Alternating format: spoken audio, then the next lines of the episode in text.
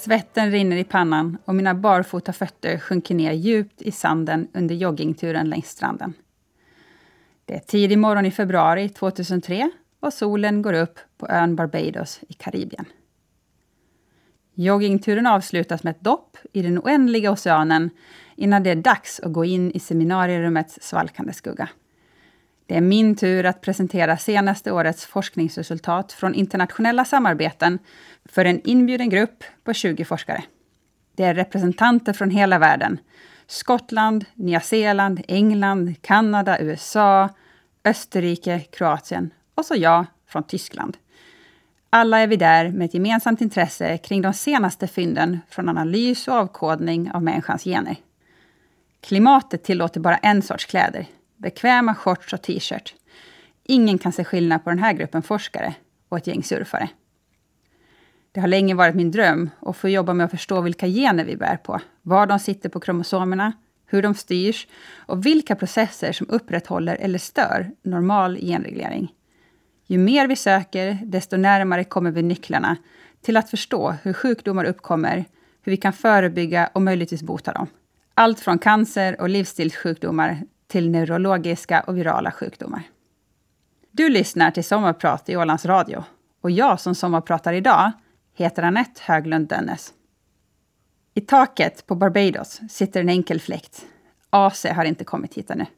Vi har blädderblock, krittavla och en projektor för att beskriva algoritmer, grafer och resultat.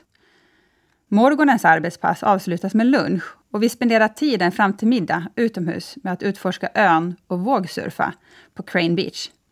Vi tar oss fram med färgstark och högljudd lokalbuss som är full av musik.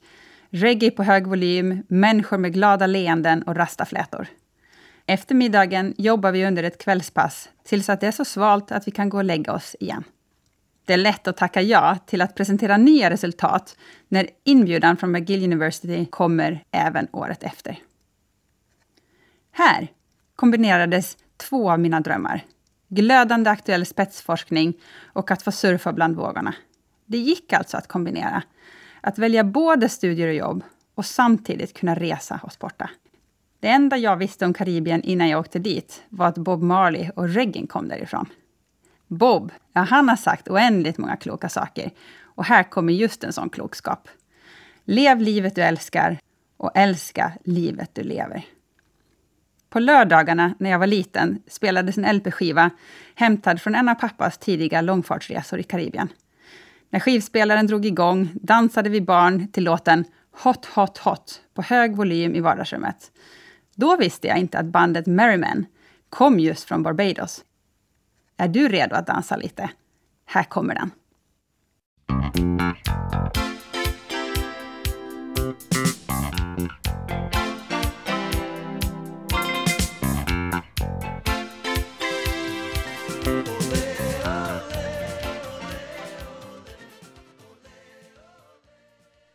Hej! Det är den 13 augusti 2021 och du lyssnar till Sommarprat i Ålands Radio med mig, Annette Höglund Dönnes. Jag vet inte hur det är för dig, men för mig så får en salig blandning av poddar, musik och sommarprat följa med lite överallt under året. Jag brukar lyssna under promenaden, när jag cyklar, står på målarstegen, fixar i trädgården, hänger tvätt, röjer i köket eller när jag ligger en stund i solen. Ibland lyssnar hela familjen samtidigt när vi åker bil. Att lyssna på poddar har liksom tagit sig in och blivit en självklar del av livet och gett lärandet och reflekterande en plats i vardagen. Att få följa med andras livsresor är som örongodis och ett sätt att föda nyfikenheten. Bara det faktum att du har hittat sommarpraten visar att du är en nyfiken person. Då har vi det gemensamt. Jag får ofta frågan, var får du din energi ifrån? Ja, förutom mat, sömn och kärlek har jag insett att den inneboende nyfikenheten är källan till energin och drivet. Nyfikenheten är också den som har fört mig till de platser och sammanhang jag landat i för några år i taget. Här har jag samlat insikter, avgörande ögonblick och reflektioner från alla de platser jag besökt och bott på. Människor jag mött under studier, arbete och resor. Jag är 43 år, bor i Mariehamn med min man och våra tre barn. Lokalt kan någon känna igen mig från mitt uppdrag som försäljnings och marknadsföringsdirektör i Optinovas koncernledning. Jag är född och uppvuxen på Åland, flyttade iväg för studier när jag var 19 och efter nästan 20 år utomlands återvände vi hit och har bott här i fem år nu. Så, 20 flyttar och fem länder senare, vad har jag med i bagaget hem? Ja, vi börjar på 70-talet med en låt av The Beach Boys, God Only Knows.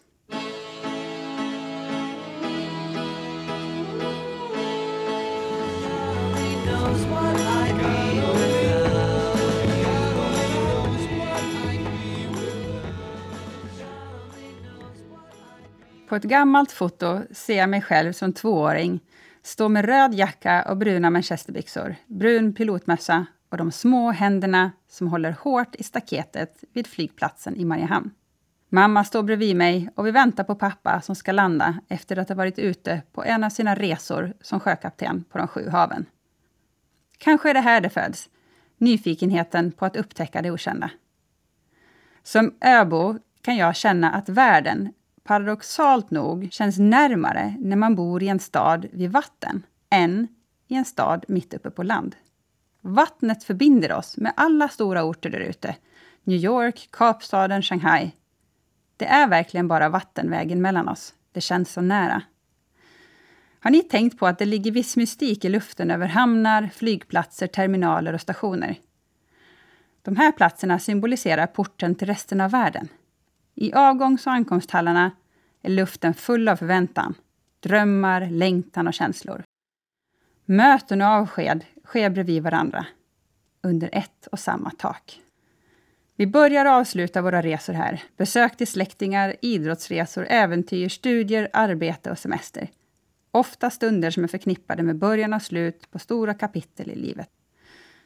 Några ögonblick som har etsat sig fast på näthinnan är när jag som tolvåring första gången tar flyget själv till mormor och morfar.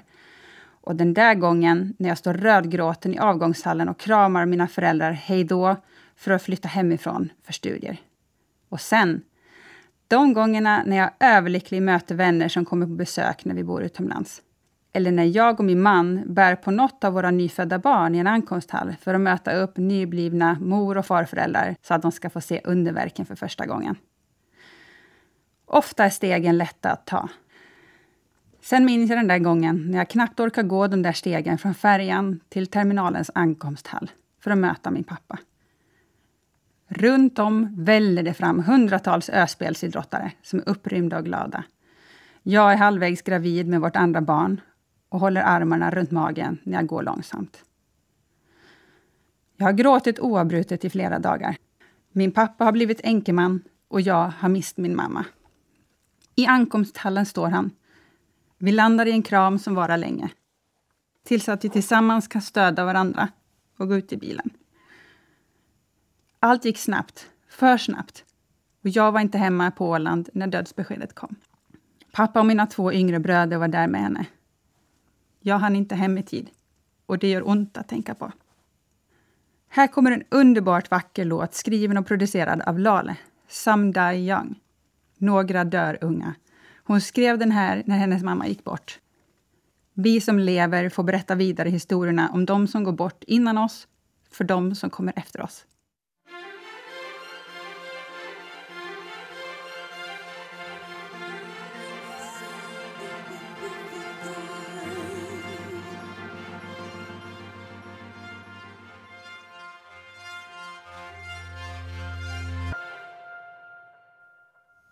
I filmen Love actually finns en fyra minuter lång scen, både i början och i slutet av filmen, med klipp från Heathrows ankomsthall, fylld med just alla dessa ögonblick av känslosamma möten.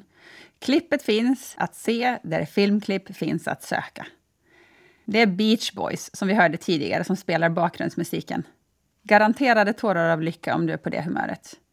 Kanske du kan känna igen dig om du blundar och tänker på något av de där mötena och känslor du själv har upplevt i en avgångs eller ankomsthall. Som liten spenderade jag mycket tid med att segla.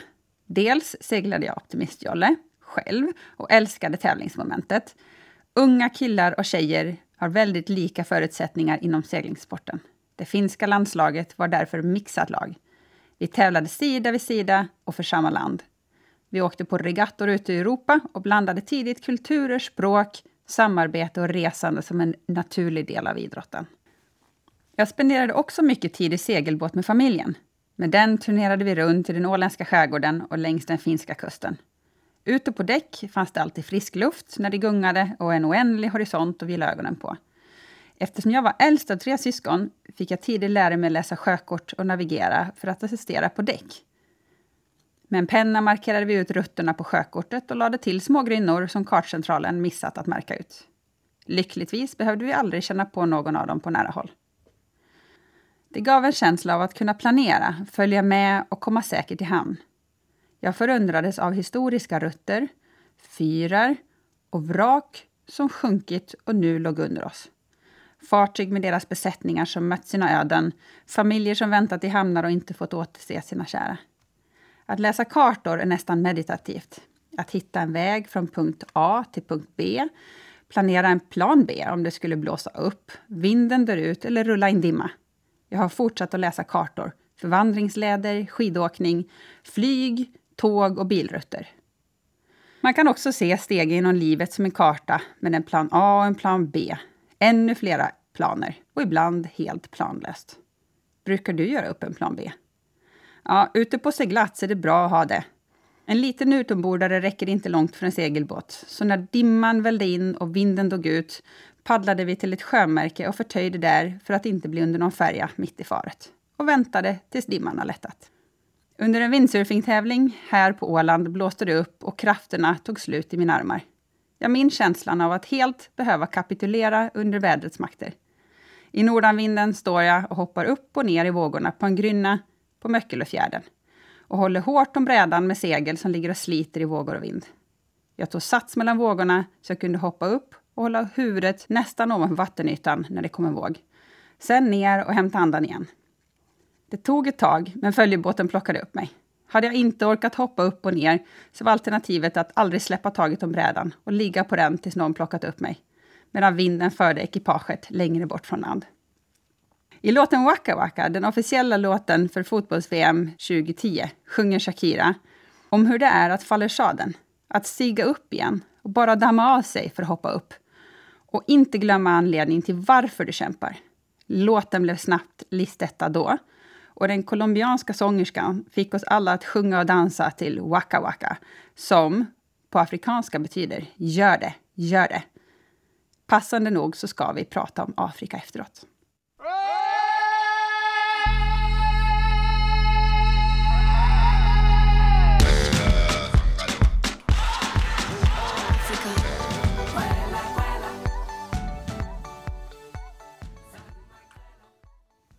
Under vintern låg seglandet bokstavligen på is och jag följer med nyhetsrapporteringen på linjär TV. Två av världens största nyheter från mitten på 80-talet har etsat sig fast hos mig. Den första är hungersnöden i Etiopien och den andra är ett nytt dödligt virus, HIV, som spreds i raketfart. Båda träffade Afrika. Fy sjutton så orättvist. Vi måste ju kunna göra något, eller? Lyckligtvis är jag inte ensam att bära på de tankarna. 1984 såg sångaren Bob Geldof en BBC-dokumentär om hungersnöden i Etiopien och blev så starkt påverkad av det han såg att han samlade världsartisterna och anordnade Band Aid-konserten och spelade in en julsång för att samla in pengar. Ni känner igen låten som spelas flitigt under december månad mitt i julshoppingen. Do they know it's Christmas? Det blev en total succé och det hade skapats ett nytt sätt att bidra på till ett högre syfte. Kändisar spelar för ett välgörande ändamål.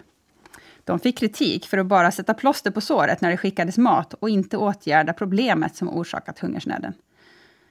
Den andra av de två nyheterna, den om hiv och aids, ett virus som skapat en pandemi. Känns det bekant? Ja.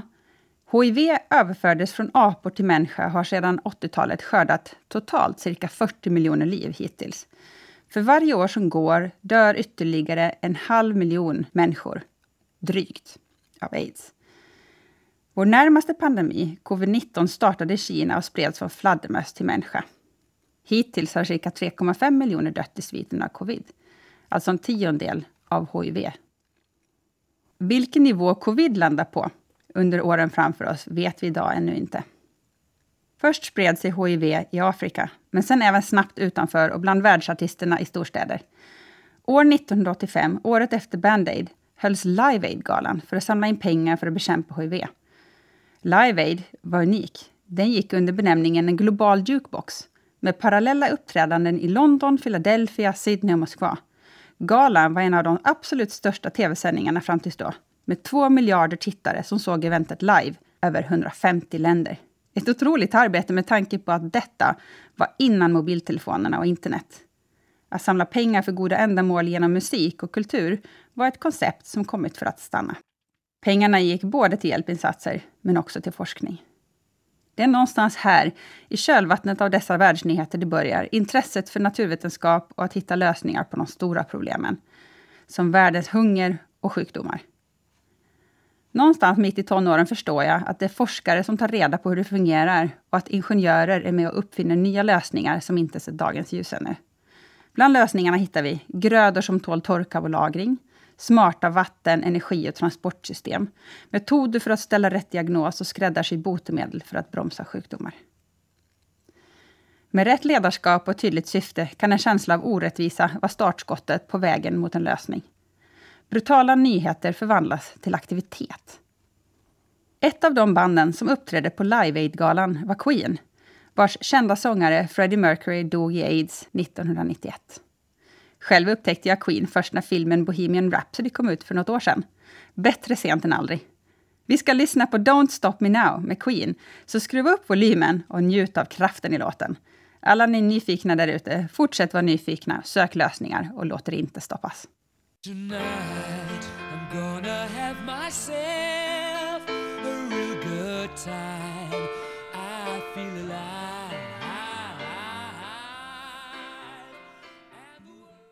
Genom idrotten, främst från seglingen och volleyboll, fick jag mina första mentorer. Allt från regelbundenhet och utmaning i den praktiska träningen till självledarskap och mental träning.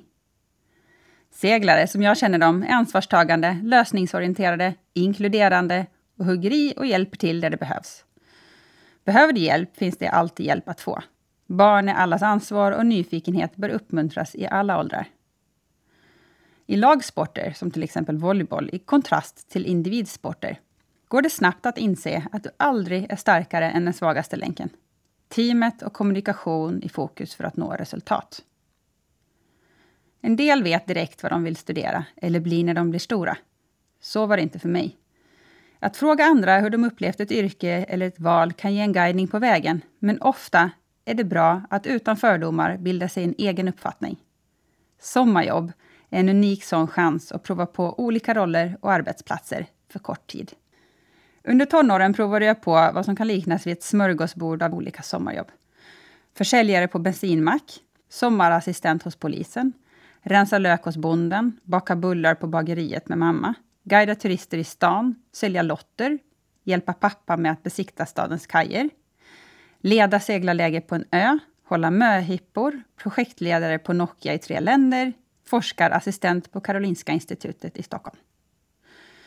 Jag kan inte komma på något sätt, förutom att prova just själv, som kunde ha gett mig bättre exempel på jobb jag älskade under en kort period, men inte kunde tänka mig att göra under ett helt liv. Genom sommarjobben fick jag se olika typer av ledarskap, engagemang, kommunikation, jämställdhet, anpassningsförmåga, servicenivå, inkludering, syfte och så vidare. Alla exempel har fått följa med i ryggsäcken, både de bra och de dåliga. Surfare känner till alla vackra platser, existerar på naturens villkor och skapar konst på dess blå bakgrundsduk. Att se vattnet må dåligt, skär i hjärtat. På 90-talet dök en känsla upp om att miljön och världen var på väg mot något ohållbart.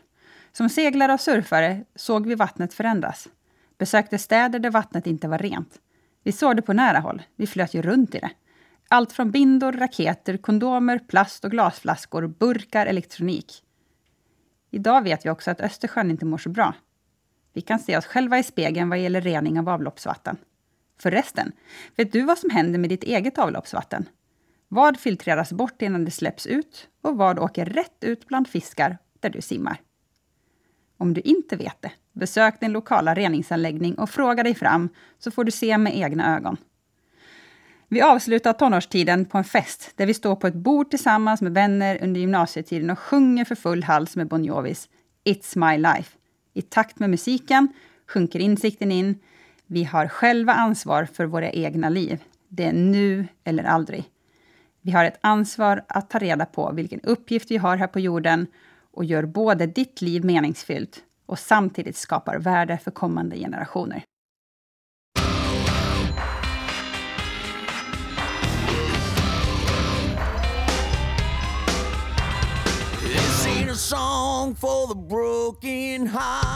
Mitt i sommaren efter gymnasiet kom antagningsbeskedet från universitetet i Linköping.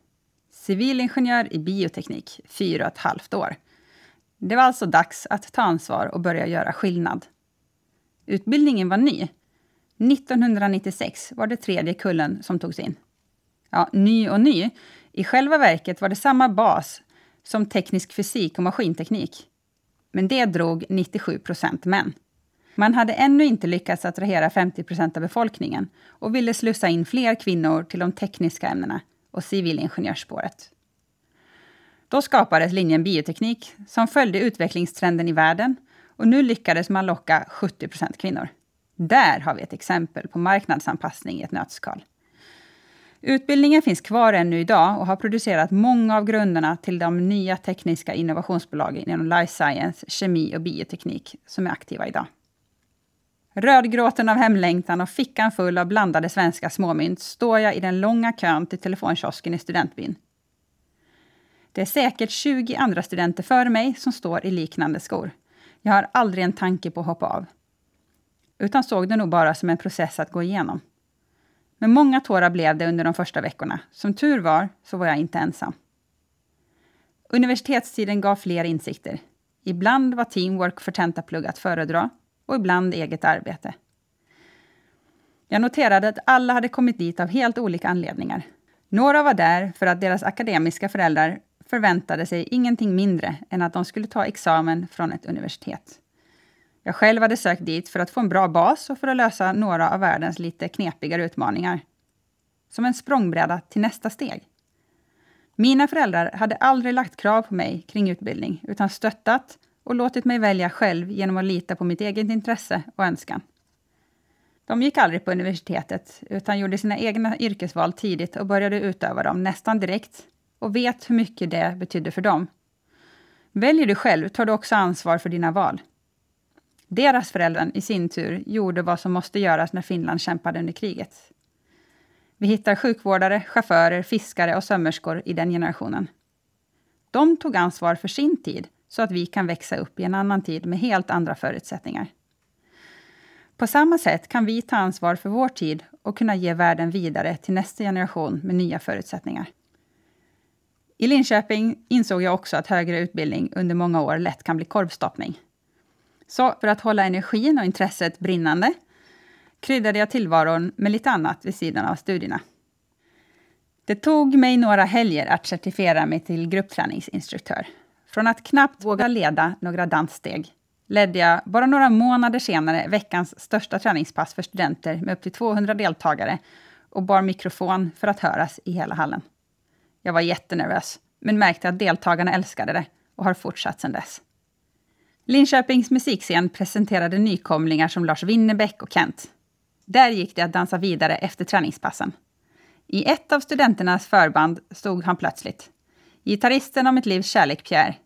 Bandet spelade en cover på ACDCs låt You shook me all night long. Och vi andra hoppade allt vad vi orkade i publiken. Här kommer det nu, men istället med starka kvinnliga röster. Jill Johnson och Charlotte Perrelli.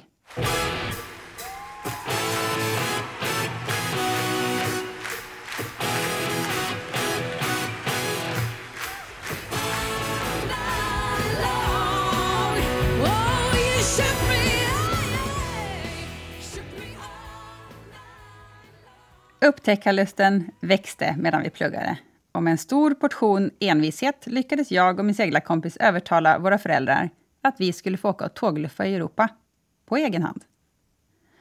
Vi hade sommarjobbat ihop pengar och fick loss en månad för tågluffen. Förutom shorts, sandaler, badkläder och en regnjacka hade vi en Europakarta med tågrutter och tidtabeller plus pass och interrailkortet. Det var bara lusten och nyfikenheten som styrde oss. Just ja, med på resan var påsen med blandade EU-valutor också. Tack EU för enad valuta och ingenjörerna för betalkorten. Förväntansfulla steg vi ombord på perrongen i Stockholm och styrde kosan söderut. Besökte Europas alla hörn och bestämde rutten dit nyfikenheten pekade och lusten föll på. Samma skrot och korn. Ibland sov vi på tåg, ibland på vandrarhem, ibland vid någon strand. Alltid nyfikna på vem vi skulle möta och vad vi kunde se och göra på vägen. Som studenter hade vi lärt oss att leva på pastaskruvar, tonfisk på burk, bröd och frukt. Njutningen kom av att ställa upp Trangia-köket i någon av stadens parker vid en fontän och njuta av alla dofter och människor i varje ny stad. Underbara Europa med all kultur och historia. Det var tågstrejk i Polen, så efter besöket i fånglägret i Auschwitz fick vi en extra lång stund för reflektion på perrongen i Krakow. Det behövdes. Tänk så många som har kommit till den stationen och aldrig kommit därifrån. På vägen därifrån, ner mot södra Europa, pratade vi med några tågluffare i vår egen ålder som kom från Östeuropa. De delade med sig av hur det var att växa upp i de länderna efter kriget. Så mycket mer intressant att lyssna till dem än att läsa det i en bok i skolan. Föräldrarna höll vi underrättade med några vykort från platser där vi dragit fram och kanske två telefonsamtal under månaden vi var borta. Vi hade bokstavligen badat i språk, sevärdheter, politik, lokaltrafik, mat och kultur. Efter 12 länder på 30 dagar satte vi kurs mot Sverige igen. Batterierna var laddade för en ny termin. Vi hade lärt oss koka soppa på en spik och var tokstolta för att vi hade valt studier, sommarjobb och interrail den sommaren. Inte valt bort något. Här kommer en låt med det tyska coverbandet The Baseballs och välkända låten Forever Young, som kan symbolisera den lätta känslan då. Let's dance the style, let's dance for a while. Heaven can wait, we're only watching the sky. Hoping for the best, but expecting the worst. Are you gonna drop the bump or not? Under åren som student gick inte allt på räls jämt. Speciellt två tentor som jag tog om flera gånger. Nötte innehållet tills jag nätt och jämnt klarade godkänt. Det är okej okay det med. Intresset för krets och mätteknik fanns inte där och examinatorn var fruktansvärt trist. Programmeringskurserna handlade om hockeytabeller och jag hade nog inte kunnat komma på något tråkigare ämne, även om jag hade försökt. Andra ämnen som algebra, statistik, analys i flera variabler och proteinkemi blev det istället full pott i. Jag vet inte hur många punkterade däck jag bytte under åren som student. Övning ger färdighet. Under en av vintrarna skedde det några våldtäkter precis där vi studenter rörde oss hela tiden. Det var inte okej. Okay. Vi började cykla i grupp och samlade kraft tillsammans. Det var drygt två terminer kvar på universitetet och då råkade Pierre och jag gå förbi en plansch med information om utbytesstudier genom Erasmus. Anmälningstiden hade gått ut, men nyfikenheten drev oss till att gå och fråga koordinatorn för alla utbytesprogram i alla fall. Allt var fullt och platserna utdelade för York, Paris, Birmingham, Nice. Ja, förutom några enstaka platser som fanns kvar. En i Jyväskylä, en i Bergen och två i Salford. Suck, alla spännande platser hade gått. Vi kom för sent. Vi gick hem och slog upp kartboken bara för att kolla. Men vänta nu, Salford det ligger ju i Manchester. Och det var två platser kvar där va? Dagen efter lämnade vi in ansökningarna och fick ja på stående fot. Nu skulle vi flytta till England och flytta ihop för första gången. Universitetsbyggnaden i Salford såg ut som den vi känner från Harry Potter, Hogwarts. Även professorerna har karaktärsdrag från den serien.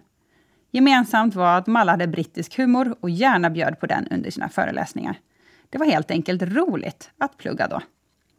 Förutom att allt gick på engelska var en annan stor skillnad mellan England och Sverige att det nu fanns luft för egenstudier och som också förutsattes och var en stor del av inlärningen. För mig resulterade det i att jag kände det lustfyllt att studera. Innehållet talade till mig på ett helt nytt sätt. Tung teori och programmering blandades med korta, intressanta, praktiska experiment.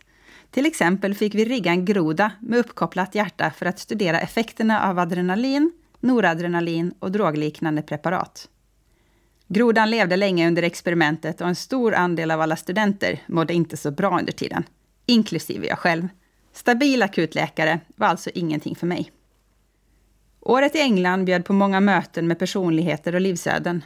På campus fanns det förstås studenter från Storbritannien och övriga Europas alla hörn. Från Afrika kom studenter från välbärgade familjer som kunde skicka iväg sina arvingar för studier innan de skulle hem och ta över som ledare för något oljeimperium eller exklusiv vingård. Även Mellanöstern och Asien var väl representerat. Alla nationaliteter och kulturer blandades i studentbyn. Det tog cirka 30 minuter att promenera mellan studentbostäderna och universitetet. På vägen passerade man några av de kvarter som inte hade det så bra ställt. Bilar, möbler, kylskåp, allt låg dumpat i kanalen. Förbipasserande kunde rånas och ibland kastade huliganer sten mot studenterna som cyklade. Alldeles i närheten låg Manchester Uniteds träningsarena, så fotbollsspelaren David Beckhams bil och några av de andra spelarnas lyxåk gled förbi när de skulle till sina träningar. Kontrasterna var absurda. Huliganerna hade respekt för fotbollsspelarna och bar lagens t-shirts, men gillade inte studenterna. Fotbollsspelare på elitnivå kan vara enorma förebilder och ge bra värdegrund för unga som växer upp i fattigare kvarter. I Manchester fanns ett otroligt starkt uteliv med musik, teater, konst, pubbar och dansklubbar. Hotet från hiv och aids var mycket närvarande i utelivet och speciellt i partykvarteren. En stark kontrast igen. Inte långt från nattklubbarna satt vi inne på universitetscampus och studerade viruspartikelns struktur i tre dimensioner och vilka alternativa strategier det fanns för att skapa bromsmediciner. På kvällar och helger tog jag kurser i dans, modernt och jazz och hittade två gym som sökte instruktörer. Så nu var jag igång med att leda pass igen. Det ena gymmet låg i centrum, medan det andra var YMCA som låg en bit utanför stadskärnan. I många år hade jag dansat till låten YMCA och bokstaverat refrängen med armarna. Nu var jag själv ledare på den klubben och kunde på nära håll se allt de gjorde för social hållbarhet för att inkludera nyinflyttade till en stad. För att komma dit fick jag ta taxi i några ruffa kvarter. Det var för farligt att gå ensam. Men taxin var billig, så jag gick i alla fall inte back på det jobbet. Nu kör vi! YMCA med The Village People.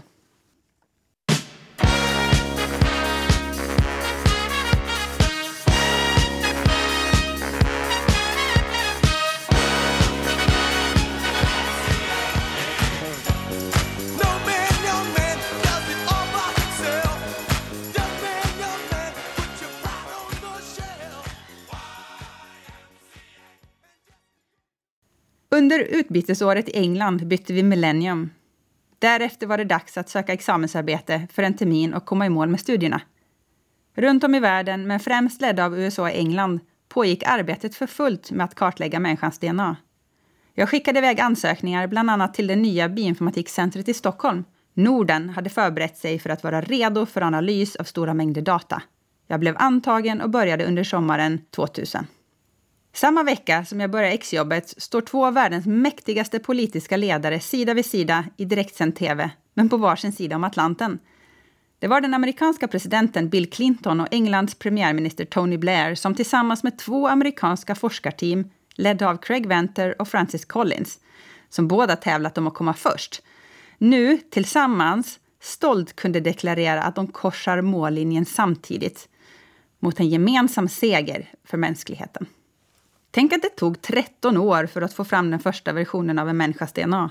Idag kan vem som helst skicka iväg sitt eget DNA och få resultatet bara på någon dag. Även covid-19-viruset lästes på kort tid och möjliggjorde att vi kunde påbörja vaccinstrategierna direkt. Så där ja, lite skillnad. Under examensjobbet i Stockholm kom jag i kontakt med teamet som jobbade på Craig Venters företag Solera i Washington DC. Jag ville jobba där och tog chansen när jag fick den. Så några månader senare, när genomet publicerats i de vetenskapliga artiklarna Nature Science, möttes jag av en stor svart Lincoln med privatchaufför på flygplatsen i Washington. Företagets motto stod på bildörren Speed matters. Personalen, cirka 200 personer, firar stort den veckan. En härlig blandning av datavetare, ingenjörer, kemister, biologer och jurister som har nått ett gemensamt mål. Datoralgoritmerna tuggade utan uppehåll på hårdvaran i den massiva och kylda källaren. I kontoren jobbade teamet stenhårt i ett tätt och öppet landskap. Hårt arbete, men det var fantastiskt roligt för alla bjöd på sina personligheter på jobbet och ledaren var noga med att lyfta teamets arbete. Jag var yngst och den enda från Norden. Hela stället andades inkludering, nyfikenhet och samhörighet. Ett så tydligt mål. Här förstår jag att alla personligheter bidrar på sitt sätt och att samarbete stavas med två bokstäver både på svenska och engelska. Vi.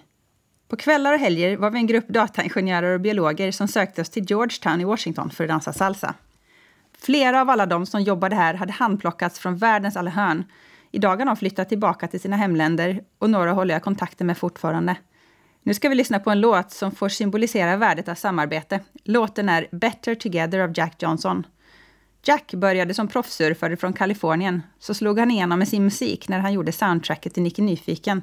Genom sin musik lyfter han upp de miljömässiga problemen som påverkar våra oceaner. Han är en av alla konstnärer som lever på naturens villkor och har havet som bakgrund till sin konst.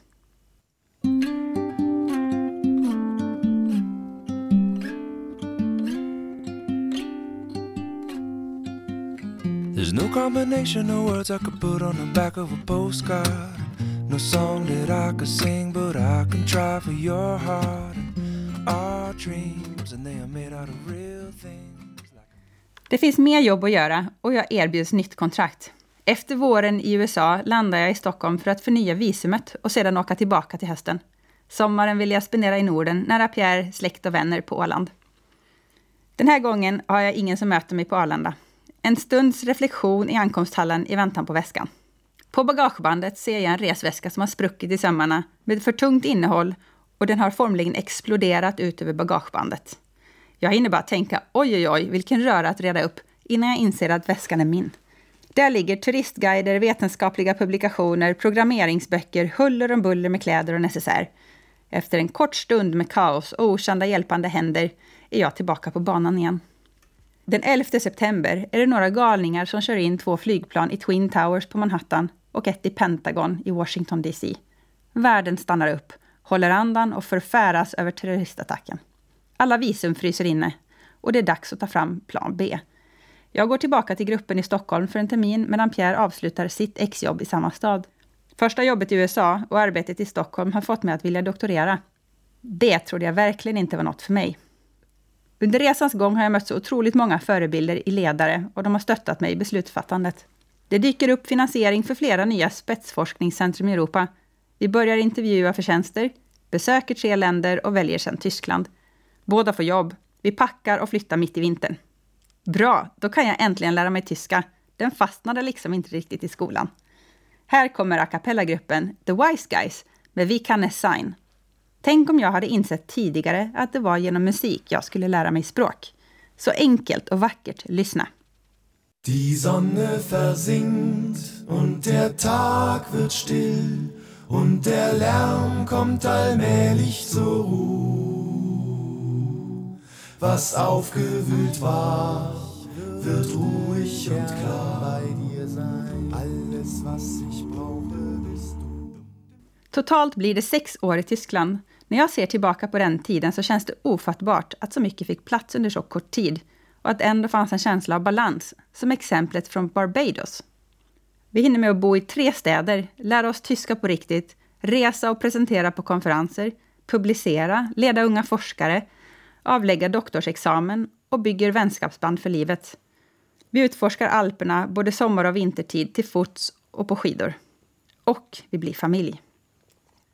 Under slutspurten innan disputationen presenterar jag på ett forskningsinstitut för datavetenskap i Milano. På väg hem till Tyskland susar alptoppar och glittrande sjöar förbi fönstret. Min väska är vid utgången. Den är för stor och har vid sätet. I väskan ligger min laptop med månader av skriven disputation som inte backats upp. Det här är innan molnlösningarna. Inne vid stationen i Zürich får jag en känsla av att det är mycket trafik vid ingången och går för att kolla väskan, som inte är kvar. Högtalarna annonserar att det är tre minuter innan avgång. Mitt pass och plånbok ligger kvar vid sittplatsen. Gången är full av påstigande passagerare. Insikten slår till som en blixt. Jag kan inte låta datorn försvinna här på stationen i Zürich och lämnar snabbt tåget.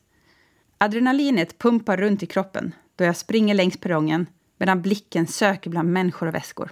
Plötsligt ser jag en man som drar två väskor. Sin väska och min. Jag knackar honom på axeln. Det där är min väska och utan att vänta på svar hugger jag tag i den och rusar tillbaka mot tåget. Alla dörrar är stängda. Efter vad som känns som en evighet så hörs ett klick och dörren går upp. Jag får gå genom åtta vagnar för att komma till min sittplats. Kvar ligger pass och plånbok och resan går vidare. Någon vecka senare är det dags för disputation inför en panel av åtta manliga professorer. Det känns som en smal sak jämfört med att nära på mista fyra års arbete på en perrong i Zürich. Eller att föda barn. Krispiga lärdomar tar jag med mig för framtiden. Backa alltid upp ditt arbete. Släpp aldrig bagaget ur sikte. Och hjälp vad mycket män det finns inom datavetenskap. Att bli familja. Det var en mycket varm kväll i juli då hon landar hos oss på universitetssjukhuset i Tübingen. Åskan dånar utomhus och euforin är ofattbar inombords. Vi har blivit föräldrar. Några år senare kompletteras familjen med två barn till och lyckan växer exponentiellt. Hur är det ens möjligt? Tänk att vi skulle få privilegiet att bli föräldrar i det här livet. Det är den största av alla gåvor. Jag svämmar över av tacksamhet. Kämparglöden för en bättre värld fanns där innan barnen kom, men blev ännu starkare efter det. Jag trodde verkligen att änglarna fanns bara i himmelen. Här är en låt för världens alla barn med Comfort Drops. Jag trodde änglarna fanns bara, bara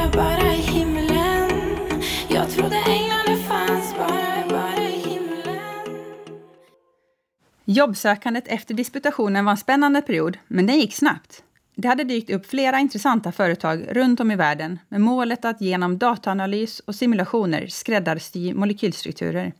Och molekyler finns som bekant överallt. Läkemedel, parfymer, mat, tvättmedel, färg, telekom, material, solceller, batterier. Jag skickar iväg två ansökningar, en till San Diego och en till München. Åker på intervjuer, får båda och funderar. Jag väljer ändå Europa till slut och börjar jobba för ett tysk-amerikanskt företag på distans. Det här var 15 år innan covid-19, så att jobba på distans var ett främmande koncept för många. Jag blev ansvarig för både försäljning och marknadsföring och ett internationellt utspritt team som alla satt nära kunderna i ett stort geografiskt område. Europa, Afrika och Asien. Introduktionsveckorna ligger i New York och företaget önskar gärna att familjen kommer med om jag vill. Om jag vill! Den här gången är det en helsvart Lincoln som hämtar oss vid John F Kennedy-flygplatsen i New York. Tydligen används inte bilstolar för barn i sådana här bilar. Så vi sträcker ut oss i det breda baksätet och njuter av blicken som får glida över Manhattans skyline när vi åker över Brooklyn Bridge. Huvudkontoret ligger i en av skyskraporna precis vid Times Square. Alla de där häftiga kontorsinslagen vi hörde om från företag i Kalifornien fanns där. I en del av kontoret fanns ett schackbräde målat på golvet och stora pjäser att flytta runt. Vid kaffeautomaten ett brett sortiment av snacks och drycker i amerikansk stil. Yogamattor i ett myshörn, klättervägg, pingisbord. Personalen fick åka hiss med cykeln upp 45 våningar för att hänga sitt fordon på väggen vid skrivbordet. Lite som att blanda hårt arbete med tivoli. Work hard and play hard i ett nötskal. Vi bor på hotell runt hörnet och vår dotter lär sig gå i Central Park. På kvällar och helger strosar vi med barnvagn längs Broadway och lyssnar till de ljud och musik som når gatan. Vi går till Point Zero för att se hålet flygplanen lämnade efter sig vid kraschen in i tornen den 11 september. På tal om stationer och deras mystik. Har ni vägarna förbi Manhattan så besök då stationen Grand Central. Ställ er mitt i den stora hallen, titta upp och beskåda taket. Där finns alla stjärntecken vackert avtecknade. En stunds reflektion kring det universum vi lever i. Det var många som följde den populära tv-serien Friends på 90-talet. Det är nästan så att New York har introt rullande i luften. Här kommer ett varmaste tack till alla vänner som kommit och besökt oss och mött upp när vi har återvänt. Vad vore livet utan vänner? Den här låten är till er. I'll be there for you med The Rembrandts.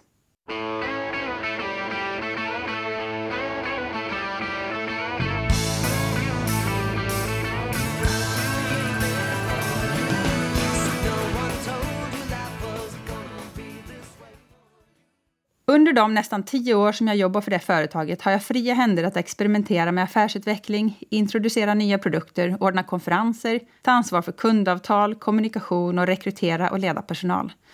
Under tiden flyttar vi från Tyskland till Sverige och jag kan fortsätta därifrån. Framgången bygger på internationell kompetens och fullständig inkludering. Företagets största privata investerare är Bill Gates och för några år sedan nås milstolpen om börsintroduktion på Nasdaq och grundaren får vara där och ringa klockan. En otrolig tillväxtresa. Covid-pandemin har fått aktierna att rusa i höjden. Det känns som att det går att göra skillnad. Vi kommer tillbaka till både hungersnöden och hiv och aids som toppade nyheterna på 80-talet. Det råder inte brist på stora utmaningar i världen idag. Många av dem har med hållbarhet att göra. Som arbetande förälder har jag suttit i otaliga säljmöten och förhandlingar alla tider på dygnet. Några där jag kräkts i papperspåse på grund av graviditet, flugit över Atlanten med barnflicka och bebis för att jag ville amma, haft familjen med på alla möjliga jobbresor. Vi har haft det otroliga privilegiet att få vara tillsammans, studerat, jobbat, varit familj, rest och levt, allt på samma gång. Hur kom det sig då att vi kom tillbaka till Åland för fem år sedan? Både familj och vänner hade slutat hoppas att vi skulle ta steget, knappt att vi trodde det själva. Efter att ha jobbat för europeiska och amerikanska bolag föddes min längtan att jobba för ett teknikbolag med internationell marknad, men med nordiska ägare. Precis då hörde åländska bolaget Optinova av sig. Det fanns en global säljorganisation att bygga och ett varumärke att stärka. Jag tackade ja. Pierre drev eget och var mobil. Vi planerar och genomför flytt med tre barn. Stort beslut, men otroligt bra timing i livet.